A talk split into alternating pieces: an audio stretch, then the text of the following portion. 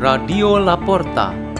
The door is open for you for the growing of knowledge and wisdom of God. Delivered by my Aunt Rodrigo and Matilda from St. Peter's School in Jakarta, Indonesia.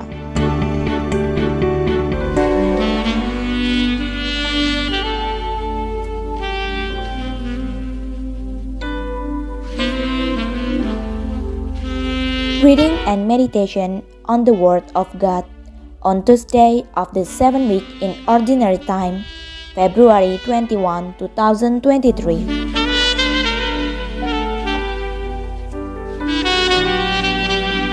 A reading is taken from the Holy Gospel according to Mark, verse 9, verses 30 to 37. Jesus and his disciples left from there and began a journey through Galilee, but he did not wish anyone to know about it.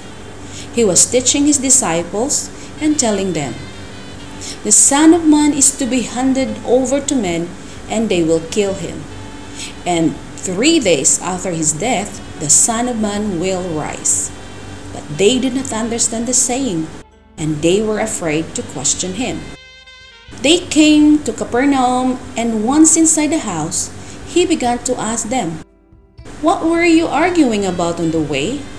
But they remained silent, for they had been discussing among themselves on the way who was the greatest. Then he sat down, called the twelve, and said to them, If anyone wishes to be the first, he shall be the last of all and the servant of all. Taking a child, he replaced it in their midst and putting his arms around it, and he said to them, Whoever receives one child such as this in my name, receive me. And whoever receives me, receives not me, but the one who sent me. The Gospel of the Lord.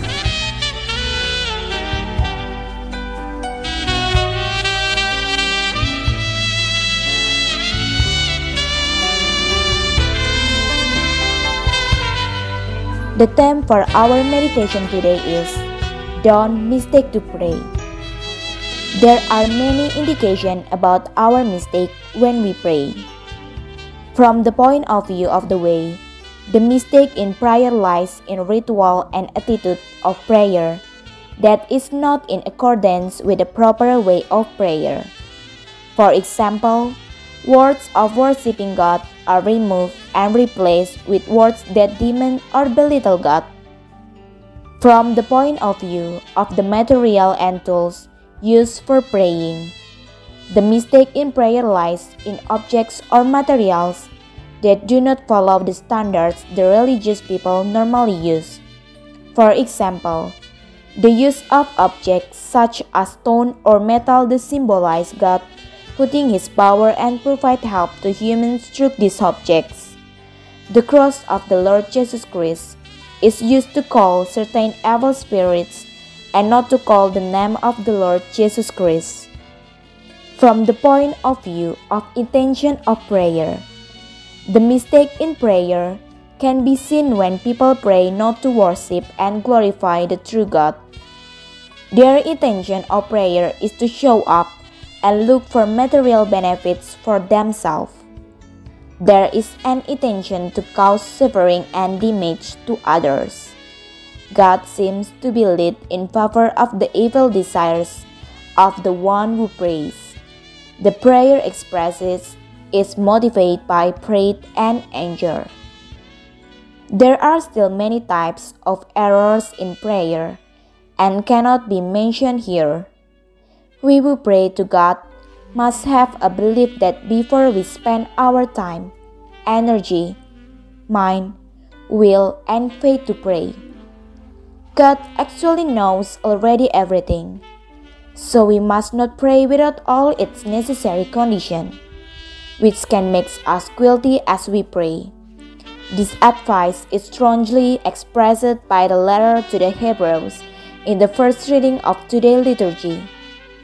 He reminds us that our prayers that are not answered by God because we make errors in prayer. Doing mistake in prayer means one lack of certain important virtues of prayer. One of the fundamental virtues in prayer is humility. God is great and almighty. It is impossible for us to pray to Him and at the same time to make Him meaningless or powerless. Humility requires that we present ourselves as servants and children who have the same condition and path of faith as all other neighbors do. To receive blessing from the same God, God healed my wounds, just as He heals my neighbor wounds.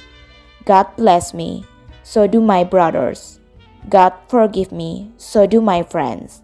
So, the advice for us is don't make mistake when you pray. Let's pray. In the name of the Father, and of the Son, and of the Holy Spirit. Amen. O Lord, keep us from our incorrect way in prayer, so that we truly become God and true person who pray.